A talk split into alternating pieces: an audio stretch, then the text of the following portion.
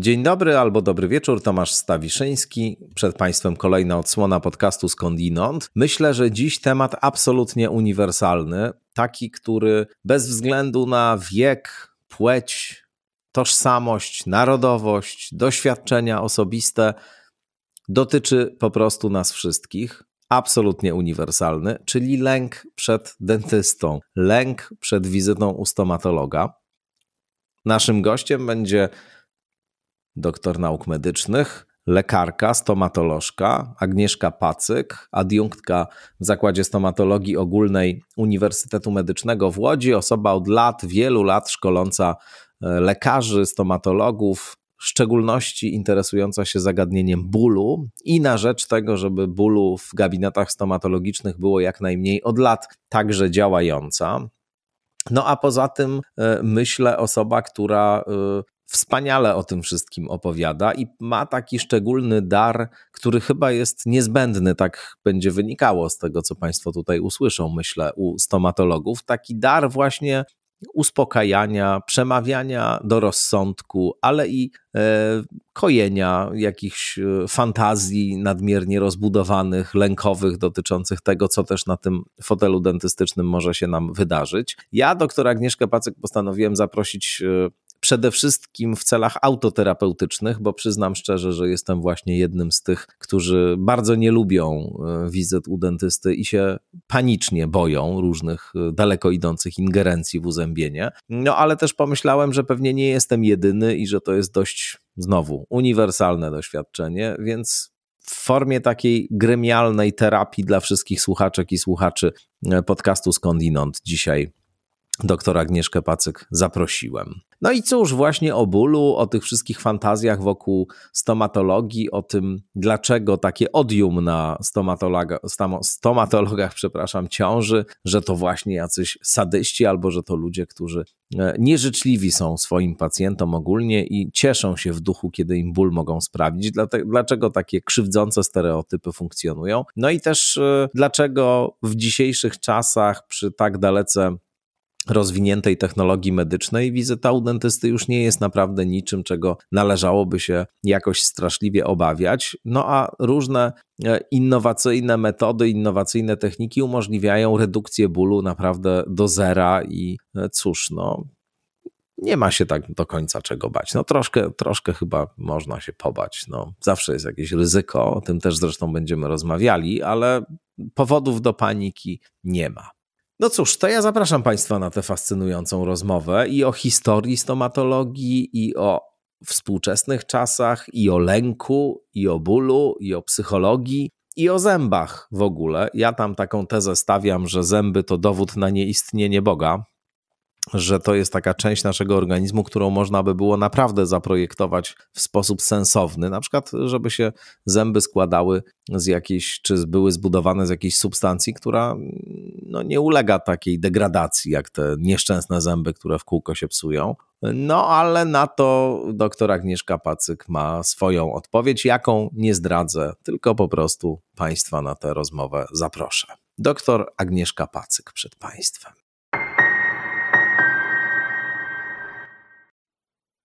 Doktor Agnieszka Pacyk, gości w podcaście Skądinąd. Dzień dobry. Dzień dobry, witam serdecznie. Zakładam, proszę mnie wyprowadzić z błędu, jeśli to założenie jest nieprawdziwe, że dentyści też chodzą do dentysty. Zgadza się? Tak, ale bardzo się tego boją i nie lubią. No właśnie, o to chciałem, o to chciałem zapytać, czy pani, jak pani idzie do dentysty, to też się trochę obawia? Boję się bardzo ale próbuję ten, tak, próbuję ten, ten e, strach w tym przypadku zracjonalizować. Tak. A czego się pani boi najbardziej? E, świadomość, że pewne procedury są procedurami trudniejszymi i że mogą tam wystąpić pewne niepowodzenia, jak w każdym zabiegu medycznym, e, no nie, po, nie pomaga zdecydowanie. No tak, bo pani wszystko wie na ten temat i zna pani każdy możliwy negatywny scenariusz. To rzeczywiście. Tak, to jest rzeczywiście coś e, mocno stresującego. Ja miałem, szczerze mówiąc, nadzieję, że teraz nas pani wszystkich uspokoi. Nie, absolutnie w ogóle nie ma się czego bać. E, A Lęk jest nieuzasadniony.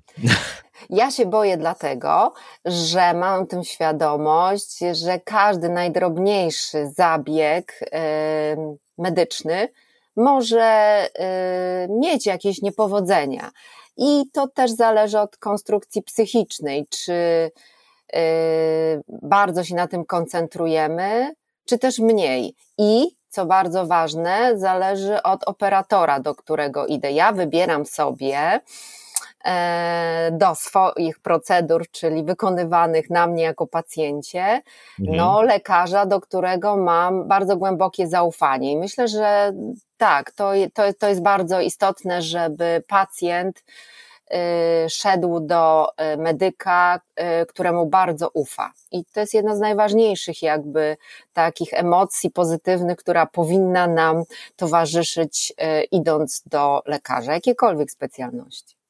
A z czego się ten lęk związany ze stomatologią specyficznie bierze? No bo lekarze nie wszystkich specjalności wzbudzają e, obawy i lęk. Raczej wizyta u internisty, taka konwencjonalna, zazwyczaj z lękiem się nie kojarzy. E, no, oczywiście to zależy od naszego stanu zdrowia i tego, z czym do tego lekarza przychodzimy, w jakim celu, ale generalnie wizycie u stomatologa lęk towarzyszy zawsze, banie się dentysty jest anegdotyczne.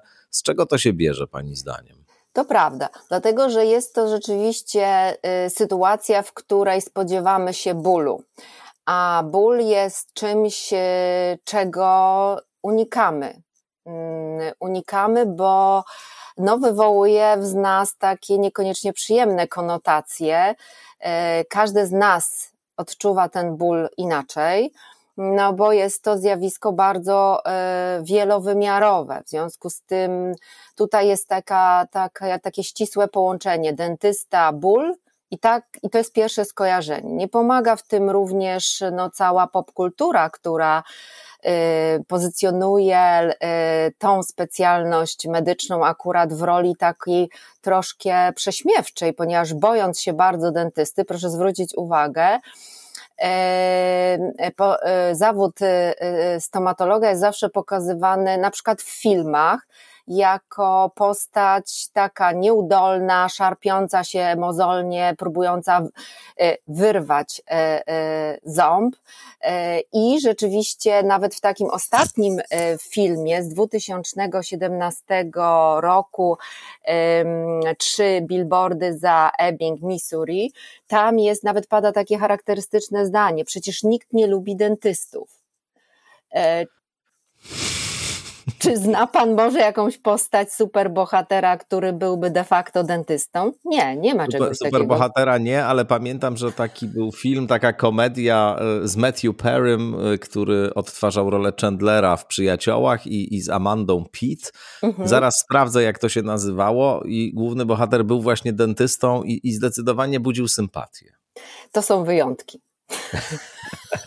To prawda. To są naprawdę wyjątki, natomiast y, rzeczywiście y, nawet nasza y, Maryla Rodowicz zasłynęła swego czasu z piosenki Dentysta Sandysta, więc z jakiegoś tam powodu który je, został przebadany i tutaj może dla Państwa będzie ciekawostką, że według badań E, e, socjologicznych e, my postrzegamy mm, pewne zawody z takim rysem sadystycznym, prawda? I do tych zawodów należy chociażby dentysta czy ortopeda.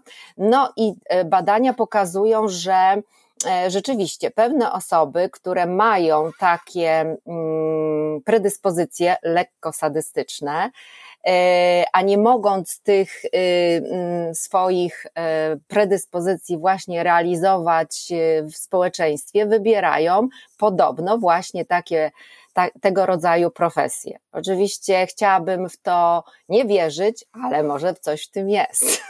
No a jak wy sobie radzicie, wy dentyści, z tego rodzaju społecznym odium? Jak my sobie radzimy? My się bardzo staramy. Przede wszystkim czekamy w znakomicie e, wyposażonych e, gabinetach na państwa.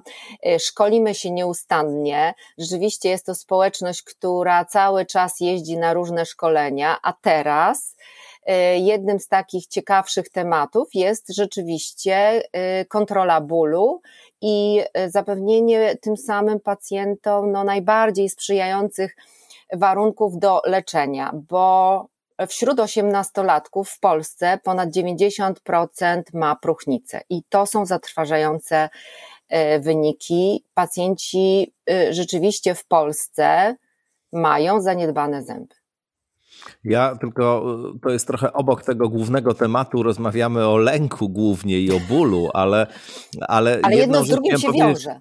Oczywiście, że się wiąże, ale też chciałem na coś istotnego zwrócić uwagę, bo to jest wiedza, która mam wrażenie nie jest powszechna. Mianowicie problemy z zębami to nie są tylko problemy z zębami, one mogą się też przekładać na zdrowie ogólne i, i to w sposób często bardzo bezpośredni. No, po prostu może stanowić e, jakiś poważny stan zapalny w jamie ustnej bezpośrednie zagrożenie dla życia. Ja znam osoby, które które niestety e, zmarły właśnie z powodu tego, że e, no, zaniedbały uzębienie, poza tym były zdrowe i ten stan zapalny doprowadził w przypadku jednej osoby, którą znałem osobiście, do śmierci. Tak, to prawda. Y, jama ustna nie jest jakimś odciętym od organizmu naszego obszarem. Jej stan w sposób decydujący rzeczywiście y, y, może wpłynąć na stan zdrowia pacjentów, zwłaszcza w momencie, kiedy nasza odporność ulega obniżeniu. Zwłaszcza jeżeli współtowarzyszą temu jakieś inne choroby, wtedy rzeczywiście stan uzębienia ma fundamentalne znaczenie i też w kontekście młodych osób, kobiet, które na przykład przygotowują się do zajścia w ciążę, warto wiedzieć, że takie zaniedbane choroby chociażby przyzębia, czyli tych tkanek otaczających zęby, są postrzegane w kontekście takich, takiego czynnika wczesnoporonnego. Czyli jeżeli nie masz y, zdrowej jamy ustnej w kontekście nie tylko zębów, ale całego tego specyficznego środowiska, to nie jesteś gotowa w pełni, żeby y, zajść w ciążę z medycznego punktu widzenia. A pani jak w ogóle patrzy na zęby, bo to taki szczególny jest kawałek ludzkiego organizmu, to ma pani wrażenie, że to jest udane dzieło ewolucji, albo opatrzności, czy, czy że raczej wręcz przeciwnie? Bo ja mam takie wrażenie, że e, zęby z całym oczywiście zachwytem dla skompliko, skomplikowania tego, e, tego urządzenia i dla, i dla w ogóle tego, w jaki sposób zbudowany jest ludzki organizm, że te zęby, jeśli miałbym wskazać na dowód przeciwko istnieniu Boga, przeciwko istnieniu jakiegoś bytu inteligentnego, który nas fantastycznie zaprojektował, to bym te zęby wskazał. Dlaczego one nie mogą być z jakiegoś materiału, który po prostu się nie psuje? Całe życie mogłyby sobie spokojnie w naszej jamie ustnej przebywać i nie byłoby tych wszystkich niesamowitych, nieustających problemów e, z tą właśnie częścią organizmu. To prawda. Pani się zęby generalnie podobają, czy, czy ma pani wrażenie, że no nie, no naprawdę gdybym ja to projektowała, to wyglądałoby to zupełnie inaczej? Mnie wręcz zachwycają. Poważnie? tak. Wow. W kontekście, jak mhm. to wszystko jest rzeczywiście y, skonstruowane w sposób y, logiczny, gdzie funkcja y, jest związana z kształtem, to naprawdę y, jest maszyneria, bo musimy to, y, y, te zęby jakby zobaczyć w kontekście ich osadzenia w kości, zawieszenia w tej kości, ich wzajemnych relacji, stawu skroniowo-żuchwowego, jak to wszystko pracuje. My do końca też pewnych sytuacji e, nie potrafimy też e, wyjaśnić, ale jak bardzo też nasz organizm potrafi się zaadaptować do tego, że nasze zęby tracimy zbyt wcześnie, że one zmieniają kształt e, w momencie, kiedy się ścierają i do tego wszystko ten nasz organizm potrafi się dostosować. A to, że są nietrwałe, no, e, trudno powiedzieć, bo tutaj teorii jest e, wiele. My żyjemy w kontekście trwałości szkliwa i, ze, i zębiny trochę być może za długo, bo one rzeczywiście ulegają fizjologicznemu, my to nazywamy starciu. Natomiast przytłaczająca rzeczywistość też powoduje, że my obserwujemy w gabinetach stomatologicznych, że ogromna ilość pacjentów, tak ogromna właśnie tego sformułowania chciałabym użyć, kompensuje swoje sytuacje stresowe, y, które napotykała w codziennej rzeczywistości z zaciskaniem zębów, mm. z grzytaniem i to jest ogromny problem, ponieważ... To często w trakcie snu się dzieje zupełnie tak. nieświadomie, prawda? Tak, właśnie. Jeżeli tego nie wyeliminujemy, y, to właściwie wiele z naszych procedur y, skazujemy na niepowodzenie od razu. Więc. A jak to można wyeliminować właściwie?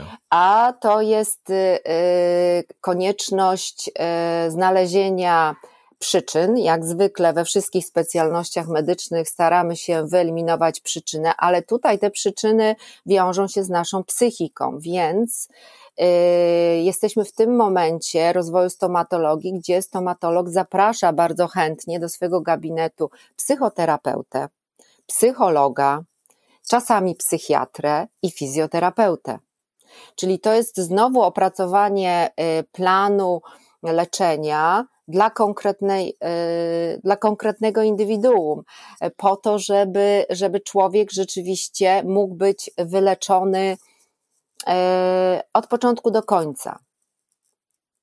Są jeszcze chyba takie specjalne urządzenia, które się wkłada do ust y, na czas snu, żeby właśnie zminimalizować y, destrukcyjne efekty tak, tego zaciskania. Tak, ale to nie pomoże, bo to jest swoista taka y, osłona. Objawowe leczenie. Tak, mhm. natomiast powód, jeżeli powód, który wywołuje te zwiększone napięcia mięśniowe nie zniknie albo nie zostanie umiejętnymi sposobami zredukowany, no to te szyny są po prostu zgryzane, robimy kolejne, a tak, tak, tak naprawdę nic w komforcie życia pacjenta się nie zmienia, bo my też nie możemy przystąpić wtedy do na przykład leczenia protetycznego, y, czyli na przykład wykonywania y, określonych uzupełnień. Jeżeli nie ma jakiegoś zęba, e, chcemy zrobić e, implant i wykonać koronę, to przy takich nieprawidłowościach w zgryzie, no, skazujemy to na większe ryzyko tego rodzaju leczenia. Odchodzimy też od takiego nurtu stomatologii, która, która jest nazwana taką stomatologią patchworkową, i czymś, co teraz jest mocno podkreślane, jest tak zwane slow dentistry. Nie w kontekście tego, że będziemy pracować bynajmniej wolniej. Powolutku.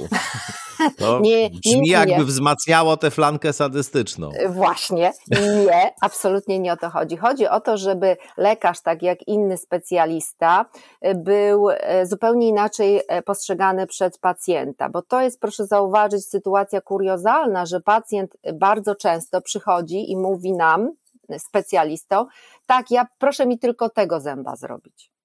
Mhm. E, albo ja chcę tylko y, mieć wykonane, nie wiem, uzupełniony jeden ząb.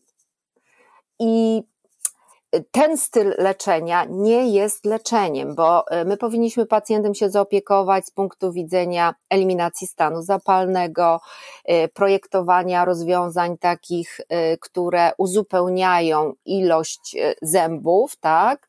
Jeżeli czegokolwiek brakuje, bo jeżeli jednego zęba brakuje, to zmieniają się kompletnie warunki w jamie ustnej i te zęby muszą się w jakiś sposób sąsiednie i przeciwstawne do tego dostosować.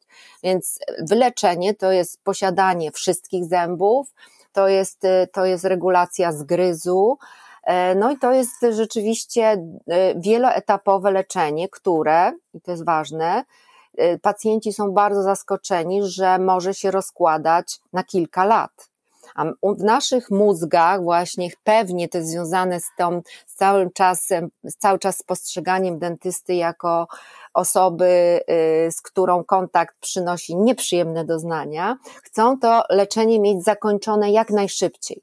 Pewnych procedur nie da się zrobić szybko, bo czasami trzeba odbudować kość, aby najpierw y, mieć podłoże, żeby w, to, w tę kość właśnie umieścić y, konkretny implant. A jak się odbudowuje kość? No są po, e, specjalne e, preparaty kościozastępcze, które najpierw musi, musi e, lekarz umieścić w tym miejscu, gdzie tej kości mm. na przykład brakuje. Dlaczego brakuje? Bo straciliśmy ząb. Jeżeli przedwcześnie, powiedzmy, około 20 roku życia, czy nawet wcześniej pacjent straci ząb, no to ta kość bardzo mm, zanika. I powiedzmy koło 40 e, e, chce mieć, e, mieć uzupełnione, czy nawet później, i nagle mm, mm, teoretycznie jest taka możliwość, w sensie chociażby, bo tu jest też stresujący aspekt dla pacjentów finansów, ale nie ma warunków e, biologicznych i my musimy zaplanować te procedury, więc to jest znacznie bardziej e, skomplikowane niż proste wypełnienie zęba. Oczywiście to też jest istotne, ale żeby mówić o zdrowiu jamy ustnej, to musimy na to spojrzeć z takiej szerszej perspektywy. Zarówno dziąsła, jak i kość i zęby powinny być wyleczone. I to jest taka prawdziwa, prawdziwe oblicze nowoczesnej stomatologii. No, to też jest chyba taka dziedzina medycyny, w której y, odpowiedzialność w znacznej mierze spoczywa na pacjencie, to znaczy oczywiście w ogóle w odniesieniu do naszego zdrowia odpowiedzialność również w ogromnym stopniu spoczywa na nas i kwestia trybu życia, odżywiania się, różnych substancji, które konsumujemy albo nie, ma znaczący wpływ na stan naszego zdrowia. No ale w przypadku zębów ta y, odpowiedzialność jest, jest chyba szczególna, bo tutaj po pierwsze one wymagają codziennej pielęgnacji y, i uwagi, no a po drugie właśnie zaniedbywanie różnych y, różnych form tej pielęgnacji, no może w krótkim czasie właśnie doprowadzić do kłopotów. Właśnie, i to się zaczyna od samego początku, już od y, etapu, kiedy pojawiają się pierwsze zęby mleczne, gdzie, gdzie one tak w, y, y, bardzo istotne w kształtowaniu się nie tylko no, organu służącego de facto jedzeniu, ale też mowy, są e, zaniedbywane, bo mamy, e, młode mamy często koncentrują się na zupełnie innych aspektach, a też walczymy jako lekarze z takim e, przekonaniem rodziców, że zębów mlecznych nie trzeba leczyć, że one i tak wypadną, co jest z gruntu fałszywym i złym, niebezpiecznym podejściem, bo to potem skutkuje chociażby problemami ortodontycznymi. Wcześnie utrata nawet tych mleczaków skutkuje zaburzeniami w zgryzie, zaburzeniami tempem, tempa rozwoju y, kości i wrócę do tego mojego osobistego zachwytu. To wszystko jest połączone.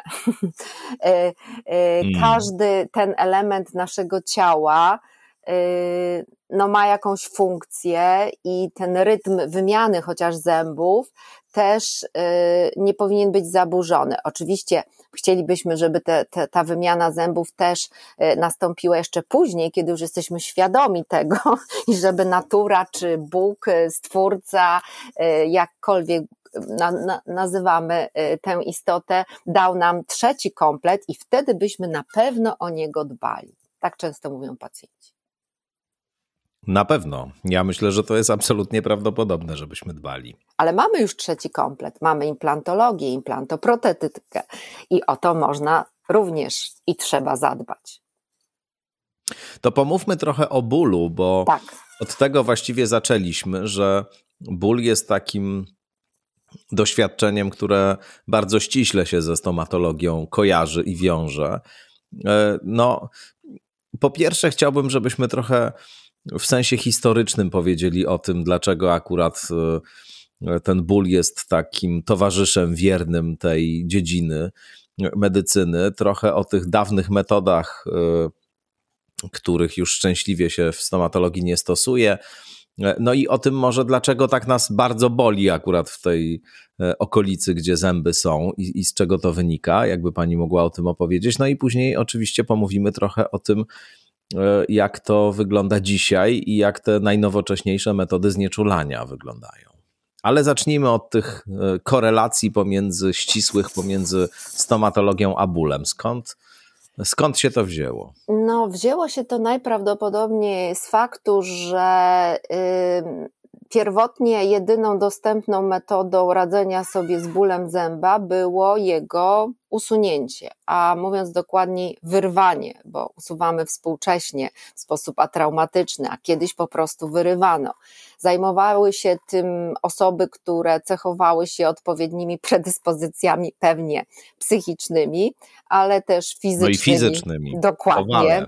Dokładnie. No więc był, była to profesja taka która na początku nie funkcjonowała oddzielnie, po prostu ktoś to w społeczności potrafił robić i te zęby wyrywano, co wyobraźmy sobie, no nie było niczym przyjemnym. W związku z tym ludzkość próbowała szukać jakichś y, preparatów, ziół, które już w starożytności potrafiły też zadziałać trochę znieczulająco, ale i też mocno podrażniająco dziąsła, ale być może e, to e, przynosiło jakąś tam ulgę.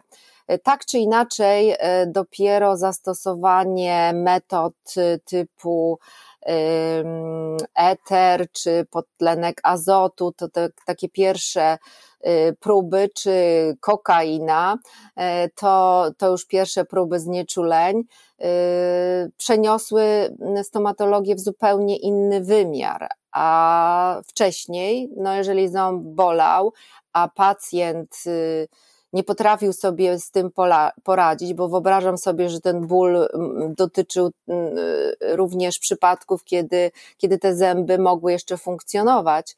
No to niestety ludzie tracili te zęby i narastało przekonanie, że nie ma nic gorszego niż e, ból zęba. Zresztą naszą patronką, dentystów jest, y, jest święta Apolonia, y, która, którą torturowano w ten sposób, że jej po prostu wyrwano y, wszystkie zęby.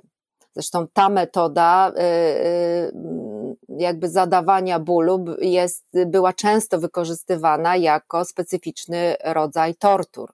Upiorne. Upiorne. Upiorne. Przypominają mi się te wszystkie sny, w których zęby nam same wypadają albo ktoś nam te zęby wyrywa. To jeden z takich najbardziej zresztą pierwotnych motywów w marzeniach sennych, właśnie lękowych. I, tak, i tak boimy się aż tego. mnie dreszcze przeszły, jak pani powiedziała o tej torturze. Także sen, o, o, o, e, w którym są zęby, wypadają i tak dalej, też w sennikach zajmował e, e, taką pozycję, ta interpretacja najczęściej wiązała się z czymś złym, jakimś potencjalnym zagrożeniem, które mo może nas spotkać. Także E, e, przez lata, to dopiero e, naprawdę XIX wiek to, to są te, te momenty XX, kiedy już sobie można powiedzieć, że z tym bólem poradzono. Natomiast cała historia ludzkości to historia walki z bólem zęba, a że jest to ból zlokalizowany mm, e, w głowie, prawda, tu w okolicy bardzo bogato unerwionej, to i te dolegliwości są postrzegane przez nas w sposób wyjątkowo y, nieprzyjemny. Ten ból ma często charakter promieniujący y, i y, jest odbierany jako najgorszy rodzaj bólu, czyli to, co się dzieje w obrębie głowy, to rzeczywiście są bóle, z którymi radzimy sobie słabo, bez pomocy mm, no teraz wszędobelskiej farmakologii. Na szczęście A... ona mhm. jest. No właśnie, bo y, używa się y, znieczulenia w gabinecie stomatologicznym szczęśliwie. Zazwyczaj, chyba nie no, nie zazwyczaj, no po prostu przede wszystkim y, w formie zastrzyku, bo jeszcze są takie jakieś żele znieczulające, ale czy właśnie ten żel, który jest taki delikatny chyba, delikatną formą znieczulenia i zastrzyk to jest e, wszystko, czy są jeszcze jakieś inne, poza oczywiście narkozą, no bo to mhm. o, tym, o tym nie mówimy. E, czy są jakieś jeszcze inne metody, a narkozą i hipnozą, bo gdzie niegdzie się tak. hipnozę jeszcze w, stosuje, to też jest bardzo ciekawe. Tak, y, to są metody alternatywne, natomiast y, narkoza rzeczywiście musi być stosowana y, u pewnej grupy pacjentów, którzy chociażby nie poddają się tradycyjnym metodom znieczulenia miejscowego, chociażby osoby niepełnosprawne, które no, muszą mieć wykonane e, mm, e, znieczulenie, albo dzieci, u których no, przy bardzo dużej ilości ubytków i kompletnej brak, braku współpracy, no, sensowniejszy jest przeprowadzenie całości leczenia w trakcie jednej narkozy niż no, jakby próba leczenia tego na pojedynczych wizytach, e, gdzie pacjent nie współpracuje. No to też jest e, czasami taka sytuacja dla nas trudna w pracy z, z, z dzieckiem, kiedy, kiedy dziecko przychodzi do gabinetu już odpowiednio e, nastawione niestety przez rodziców negatywnie, no i przychodzi w stanie bólowym. Jeżeli pierwsza wizyta to jest silny ból, i e, nie sposób tego e, inaczej przeprowadzić niż no, tradycyjną metodą, to to dziecko, jak, jakkolwiek byśmy się nie starali, zapamięta, że to było przykre. Więc rzeczywiście jest, jest tutaj wiele aspektów tego, tego zagadnienia. W świecie idealnym... A są tacy ludzie na przykład, dla, na których w ogóle y, nie działa żadne znieczulenie takie miejscowe, tylko e, trzeba im podać narkozę, ale właśnie z uwagi na to, że że nie zadziała. To zastrzyków i, i takich boli. Z, z punktu widzenia medycznego e, środki mie, mie, e, znieczulenia miejscowego, które e, my stosujemy, to są leki, jeżeli są stosowane właściwie najbezpieczniejsze w całej medycynie. I chciałabym, żeby to wybrzmiało, że to są leki bardzo skuteczne, ale nie sposób też założyć, że y, podziała na każdego człowieka na, na, na, na Ziemi. Mogą zdarzyć się y, ludzie, którzy nie dadzą się do końca znieczulić, natomiast to jest niezmiernie rzadko. E, rzadka sytuacja. Ja osobiście się z tym nie spotkałam, żeby nie zadziałało znieczulenie, ale nie sposób tego wykluczyć, ponieważ nakładają się tutaj właśnie, co warto zaznaczyć, ten, ten aspekt psychologiczny, czyli to, że ból to nie jest tylko doznanie sensu stricto fizjologiczne, ale również psychologicznej. Każdego z nas inaczej boli, i dobrze wyedukowany lekarz y, nigdy nie użyje sformułowania to nie może pana boleć czy panią ponieważ y, ból jest rzeczywiście y, modulowany przez y, bodźce psychologiczne i to, w jaki sposób my postrzegamy ból, jaki mamy do niego stosunek, w jaki sposób mm, kulturowo też do niego się ustosunkowujemy, rzutuje na naszą reakcję. Specjalnie tutaj powiedziałam kulturowo, bo w Stanach Zjednoczonych było takie badanie przeprowadzane na tamtej tamtejszym bardzo zróżnicowanym społeczeństwie i ciekawostką było to, że na te same zabiegi, e, powiedzmy podobne, no bo każdy z nas jest troszkę innym bytem. Pacjenci, y, y, którzy mieli pochodzenie y, włoskie, Włosi, ale też Żydzi, reagowali większym natężeniem tych nieprzyjemnych reakcji, bardziej ich jak gdyby bolało, a z kolei pochodzenia irlandzkiego pacjenci byli no bardziej jakby wytrzymali na, na, na podobne bodźce. Więc to, jest, to, to, to nasze kulturowe osadzenie też jest bardzo, bardzo ważne. No my z kolei, czerpiący bardzo dużo z religii e, katolickiej, e, z kolei wiemy, że no cierpieć jest dobrze.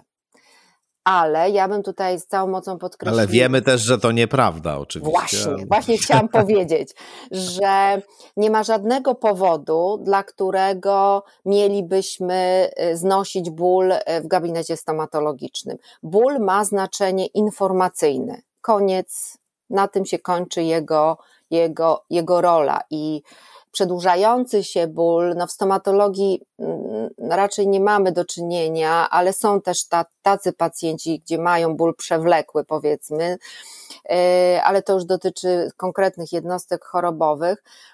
No, oni muszą być odpowiednio za, zaopiekowani, bo jeżeli nie są, to dochodzi do pewnego uwrażliwienia też związanego z całą neurofizjologią e, bólu, no i, i, i o ich rzeczywiście, można mówić u nich o takiej, o takiej hypersensytywizacji tych zakończeń nerwowych i ich boli już nawet bodziec z naszej perspektywy stosunkowo słaby. Więc e, nie ma sensu doprowadzać do tego, e, po pierwsze, żeby nas ząb bolał, no to tutaj musimy sami o to zadbać, ale też musimy mieć zaufanie, że lekarz potrafi sobie poradzić z tym bólu. I wracając teraz do metod. Cała procedura wykonania zabiegu stomatologicznego mm, e, mm, zawsze zakłada znieczulenie. E, I w nowoczesnej stomatologii e, nie ma powodu, żeby pacjent z tego komfortowego leczenia rezygnował. To kiedyś pamiętam, były takie sytuacje, że mówiono, że lekarz nie chce wykonać znieczulenia, bo, tak e, bo, bo, to ma walor diagnostyczny. Teraz już e, jesteśmy oprzyrządowani w znacznie E, znacznie bogatsze instrumentarium i tak naprawdę nie potrzebujemy sprawdzać, czy pana, panią ten ząb jeszcze boli. w związku z tym możemy pan, mm. pacjenta dobrze znieczulić. Mamy żel. Ten żel nie jest sam w sobie znieczuleniem, zęba, ale jest znieczuleniem tkanek powierzchownych po to, żeby móc wykonać iniekcję y, w taki sposób, który wzbudza absolutnie największy zachwyt w oczach pacjenta, czyli nie poczułem igły. No tak, bo tu jeszcze jest jeden aspekt istotny, że owo znieczulenie miejscowe jest właśnie poprzez zastrzyk aplikowane. Tak. To samo w sobie też może być dla niektórych trudnym doświadczeniem. Tak, jest wręcz taka jednostka fobii, nazywana trypanofobią, gdzie to jest lęk ukierunkowany na igłę. Czyli w jakichkolwiek mm -hmm. sytuacjach, gdzie ta igła się pojawia, ten pacjent czuje paraliżujący lęk, który wręcz może się manifestować określonymi reakcjami fizjologicznymi. E, ale takie sytuacje, w których, e, w których pacjent się boi igły, można wyeliminować na zasadzie zabiegu nazywanym systematyczną desensytyzacją i to może przeprowadzić stomatolog, ale może też psychoterapeuta, czyli to jest stopniowa ekspozycja na taki dany bodziec. No, można się bać pająków i w ten sam sposób też e, eksponując stopniowo na dany bodziec, leczymy tego rodzaju e, fobie. I tak samo jest z igłą. Także e, z tego naprawdę można się wyleczyć. Może nie podczas jednej wizyty, nawet na pewno, ale można to zrobić. Co więcej, powiem Państwu, że w dziedzinie igieł też mamy osiągnięcia, czyli są takie igły. Wiem, że to, to brzmi może dla, dla pacjentów nie, troszkę. Nie, bardzo ciekawie. E, że są takie igły, które cudzysłowiu mniej bolą, czyli mają tak skonstruowany ten czubek igły, że lekarz, żeby mm, penetrować w głąb tej tkanki, musi użyć mniej siły. Te wszystkie czynniki mają znaczenie. E, więc te igły e, e, są na rynku i są do dyspozycji, właśnie nimi pracujemy. A co ciekawe, też jest tak, że wcale nie ma zależności w igłach stomatologicznych pomiędzy bólem, y, a na przykład średnicą tej igły, ponieważ my mamy bardzo cienkie igły. Więc tutaj, no tak.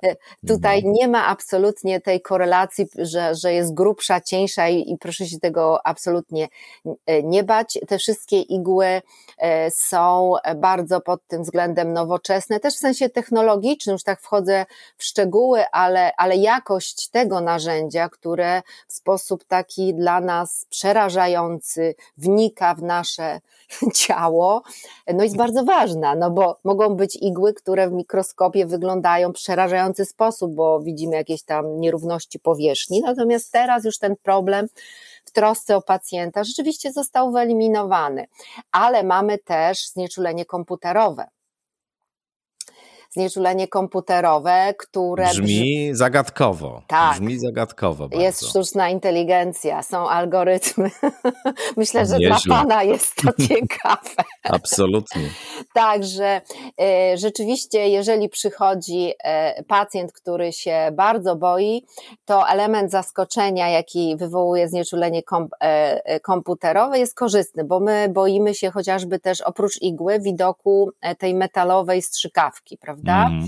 I to też jest kuriozum, że metalowa strzykawka jest w stomatologii tak długo, e, że jest to sprzęt, na którego widok sam pacjent już sztywnieje na fotelu. Co ciekawsze, właśnie najgorsze e, e, dla pacjenta jest nie sama iniekcja, tylko widok.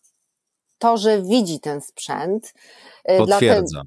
No właśnie, dlatego my jesteśmy już tak szkoleni, żeby e, nie przesuwać przed w polu widzenia tym narzędziem pacjenta, żeby to robić tak umiejętnie, dyskretnie, e, stosując odpowiednie e, zabiegi z dziedziny jatrosedacji, odwracający trochę Państwa uwagę, żeby to zrobić w sposób całkowicie bezbolesny. To jest możliwe, chociaż my takiego sformułowania e, w rozmowie z pacjentem nie powinniśmy użyć, że wykonam tu w 100% bezboleśnie, prawda? Dlatego, że, że mm, no to jest jednak medycyna i jeżeli pacjentowi obiecamy coś takiego, a on cokolwiek poczuje, nawet no taki, no właśnie, co będzie dla niego zupełnie y, y, w innych warunkach no, banalne i, i, i akceptowalne, to tutaj poczuje ten element trochę rozczarowania. Więc y, prawidłowe jest takie stwierdzenie, że postaram się ten zabieg wykonać w sposób absolutnie komfortowy, E, i nie zakładam, że poczuje pan, pani jakikolwiek dyskomfort, ale jeżeli tak się stanie, to on będzie naprawdę praktycznie niezauważalny. I wtedy to jest prawda, e, bo e, nie ma w medycynie stuprocentowej gwarancji. Natomiast y, y, te środki znieczulenia powierzchniowego, czyli te żele, są bardzo ważne na drodze do osiągnięcia bezbolesnej iniekcji, ponieważ znieczulają nam powierzchniowo i przygotowują to miejsce, w Ale... które ma się mhm. wy, wy, wykonać to wkłucie. Ale co z tym komputerowym e, znieczuleniem? No na czym ono no polega? E, e, polega na tym, że mamy urządzenie, w które w sposób absolutnie precyzyjny kontroluje tempo podawania środka znieczulającego i też dostosowuje do oporu tkanek też siłę podawania.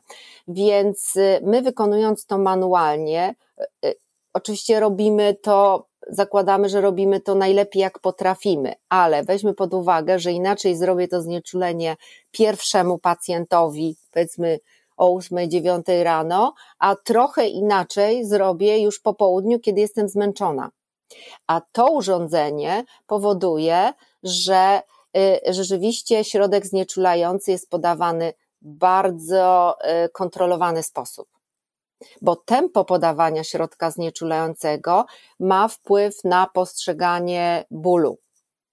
Jeżeli podamy, no, no tak jak na filmach, mm, że podchodzi, y, podchodzi dentysta i wstrzykuje z całą mocą, błyskawicznie całą ilość y, preparatu, to to będzie bolało. No właśnie, ja ostatnio miałem w ten sposób zaaplikowane znieczulenie w gabinecie dentystycznym e, i to było niesamowite przeżycie, muszę powiedzieć, faktycznie. Ja jestem akurat e, człowiekiem głęboko bojącym się takich sytuacji. Teraz już troszkę mniej się boję może po tej ostatniej wizycie, ale powiedziano mi, że to pani sprawka właśnie to wszystko z tym znieczuleniem. Czyli, że ja, że ja przekonałam, tak, bo, bo tego rodzaju. Że pani to e, bardzo, że pani to bardzo promuje. Tak, bo po pierwsze, tu, tu, chodzi o komfort pacjenta i to jest fakt, ale druga sprawa to chodzi też o bezpieczeństwo. E, bo my wykonując każdą iniekcję, każdy zastrzyk, jak, jak to mówią e, pacjenci, no, e, znajdujemy się w miękkich tkankach, e, bogato unaczynionych i na drodze te, tej igły może znaleźć się naczynie krwionośne, bo każdy z nas jest trochę inaczej zbudowany i mimo, że lekarze znają doskonale anatomię, no to jedyną stałą w anatomii jest jej zmienność. W związku z tym my się zabezpieczamy, sprawdzamy, dokonujemy takiej aspiracji, ale może się zdarzyć, że, mm, że znajdziemy się w tym naczyniu i teraz jeżeli y, to znieczulenie tam zostanie podane szybko, no to szybko znajduje się w naszym układzie krwionośnym, a pierwszym organem, który za to zareaguje, będzie właśnie nasz ośrodkowy układ nerwowy, czyli mózg. E, I to będzie y, mm, bardzo, znaczy bardzo nieprzyjemne. To pacjent może w różny sposób zareagować, ale staram się unikać tego typu sytuacji, bo to go grozi takim przedawkowaniem. Ale ciekawostka jest taka, że jeżeli to sama ilość e, znieczulenia zostanie podana bardzo powoli, to nasz genialny układ krwionośny tak potrafi to z, y, y, zapewnić redystrybucję, że nic się nie wydarzy. Więc to jest bezpieczeństwo, to, że y, podajemy to wolno, ponieważ lekarz no, raz poda szybciej, raz wolniej, nawet jak się stara, to mm, wpadając w rutynę, no mamy taką tendencję, żeby coś robić szybciej. Mhm. Więc te urządzenia to jest dla mnie fenomenalne rozwiązanie, bo to daje bezpieczeństwo i absolutnie y, zminimalizowany ból, y, jeżeli on w ogóle wystąpi tak, podczas podawania, bo my mamy coraz lepsze doświadczenia, e, coraz mamy już drugą generację e, tych e, urządzeń, takich bezprzewodowych, wyglądających właśnie jak, jak długopis trochę, jak taki gadżet, prawda? Zresztą taka, tak się nazywa DentaPen, takie jedno z najpopularniejszych tego rodzaju mhm. urządzeń, które mamy na rynku i to jest rzeczywiście coś, co ma sens i co podnosi komfort zabiegu. I nawet w takiej okolicy, jakim jest podniebienie, gdzie rzeczywiście trudno jest to zrobić tak, żeby pacjent nic nie poczuł, ale nie jest to niemożliwe, po prostu jest trudniej, bo tam jest y, mało tej tkanki, jest blisko kość, jest mała ta przestrzeń.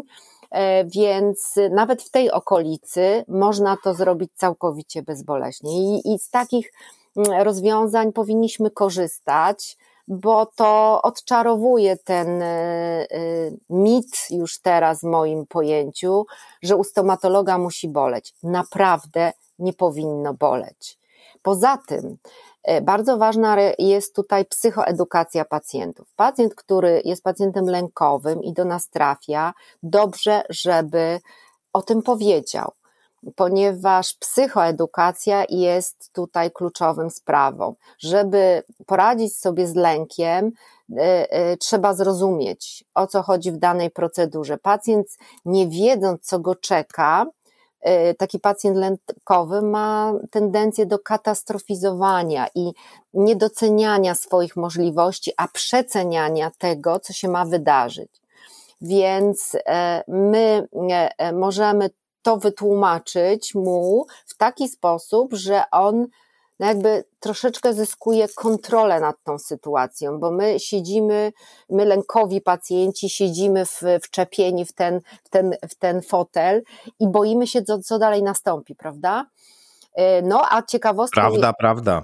A ciekawostką może być też mm, e, fakt, że pozycja pierwsza, czyli ekstrakcja zęba, to wyrywanie, już zostało e, zdetronizowane. Czy, czy, czy wie pan, co jest na e, miejscu pierwszym jako najbardziej lękorodna sytuacja w gabinecie stomatologicznym? Jaki no, rodzaj ciekawe. zabiegu?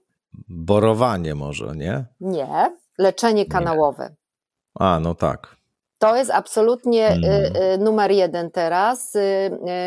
I mm, w poczekalniach, gdzie jeszcze siedzą pacjenci, mam nadzieję, że to już będzie coraz większa rzadkość w oczekiwaniu na wizytę, pacjenci sobie opowiadają różne historie i tym lękiem można, to udowodniono, się zarazić siedząc zbyt długo w poczekalni. Czyli... To w ogóle strasznie brzmi nawet leczenie kanałowe, wie pani, tak, to, to, to w brzmieniu więc... tego zabiegu, znaczy tego procesu raczej jest coś strasznego. Używajmy sformułowania leczenie endodontyczne. Brzmi jeszcze gorzej. Naprawdę? No nie wiem. No może to kwestia gustu kwestia gustu i przyzwyczajenia. Także e, e, pacjent lękowy powinien być przyjęty e, tak, żeby mu z wizyty na wizytę redukować ten lęk. I to jest tak jak w małym księciu, trzeba się oswoić z dentystą. Tak zawsze tłumaczę lekarzom, że temu pacjentowi trzeba poświęcić więcej czasy, czasu, i e, to powinno być wpisane jako taki, taki paradygmat postępowania. Pacjent, który, bo ja widzę, że ta osoba, jak przychodzi pierwszy raz do mnie, widzę, że to jest pacjent lękowy. To naprawdę widać. Co więcej, mamy takie narzędzia na zasadzie ankiet, które potrafią nam zlokalizować tego pacjenta, zanim on wejdzie do mojego gabinetu. Czyli zanim wejdzie do gabinetu, ma do wypełnienia taką ankietę, bardzo krótką, prostą, bo nikt nie lubi skomplikowanych kwestionariuszy. I ja już widzę na podstawie tej ankiety, do jakiej grupy pacjentów lękowych mogę go zakwalifikować i dostosowuję rodzaj komunikacji z tym pacjentem do, do jego potrzeb. Tak? I, do, I do potrzeb tej klasyfikacji, bo są pacjenci, którzy chcą, żeby im opowiadać o szczegółach zabiegu, jak to wygląda, a inny powie mi, nie, proszę mi tego nie mówić, nie pokazywać, ja chcę mieć to szybko za sobą. No i wtedy też nasze postępowanie wygląda trochę inaczej e, e, e, z tego rodzaju pacjentem, który wymaga takiego przekierowywania uwagi na tu i teraz, ustalenia planu wizyty i i jakby stopniowego oddawania mu poczucia kontroli nad tym, co się zdarzy. No bo ja bardzo dobrze rozumiem to uczucie pacjenta, który leży, nad nim pochylają się dwie osoby, a jeszcze jak nad, to jest, nad, nad jego głową jest ustawiony mikroskop, to czuje się już kompletnie bezradny. Prawda? Bo to prawda. I ta bezradność potęguje y, lęk, a lęk, taki nadmierny lęk, obniża próg bólu.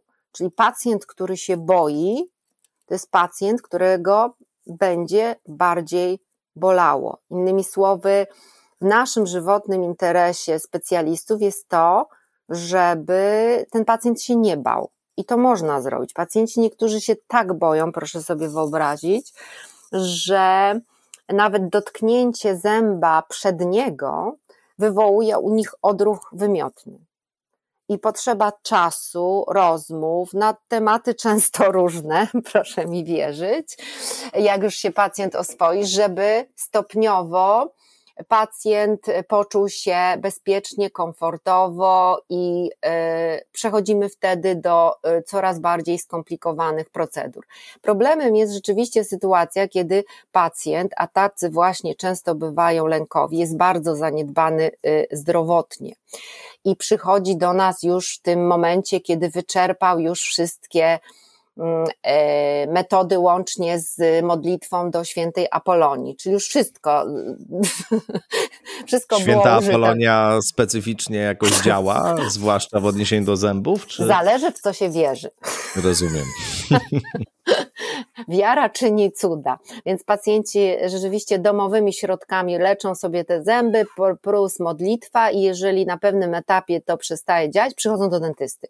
I wtedy nam też jest trudniej wykonać taki zabieg, kiedy pacjenta już boli, kiedy jest zaostrzenie, kiedy jest spuchnięty, Także gorąca prośba do, do, do, do wszystkich pacjentów zawsze jest taka, żeby no jednak przychodzić raz do roku do nas i żebyśmy my na bieżąco mm, mogli leczyć Państwa zęby, a nie leczyć ich w stanie ostrym, bo w stanie ostrym e, też robimy znieczulenia, ale jest trudniej to osiągnąć, bo nakłada się sam mhm. stan zapalny, plus jeszcze większa trudność wykonania danej procedury i większy lęk. Więc y, y, rzeczywiście dlatego y, czasami może coś pójść nie tak zgodnie z oczekiwaniami pacjenta i, i na przykład poczuje bardziej to znieczulenie niż gdyby to samo znieczulenie poczuł bez tego stanu zapalnego, bo te środki znieczulające też trochę działają wolniej, e, one działają, podkreślam, działają, mamy różne techniki, ale nie w taki sposób, jak gdyby to się działo w normalnej, takim e, rutynowej, powiedzmy, e, wizycie.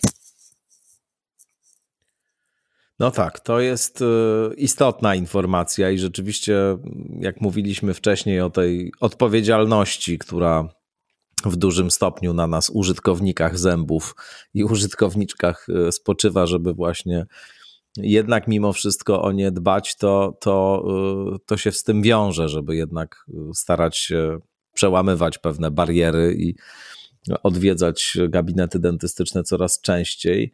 E, czy w ogóle częściej, aniżeli raz na 10 lat, ale no właśnie, mam nadzieję, że to między innymi za sprawą tych wszystkich inicjatyw, którymi pani się zajmuje, związanych, e, związanymi z e, propagowaniem no choćby takich metod leczenia, jak te, o których dzisiaj mówimy tutaj, czy mówiliśmy, to, to, to, to się będzie, mam nadzieję, zmieniało. A, a co jeszcze właściwie, jeśli można poprosić na koniec naszej rozmowy, jakąś taką rekomendację, warto robić z tymi zębami, żeby je mieć w jak najlepszym stanie jak najdłużej. No poza tym, że trzeba myć zęby, to jest wiadomo istotne.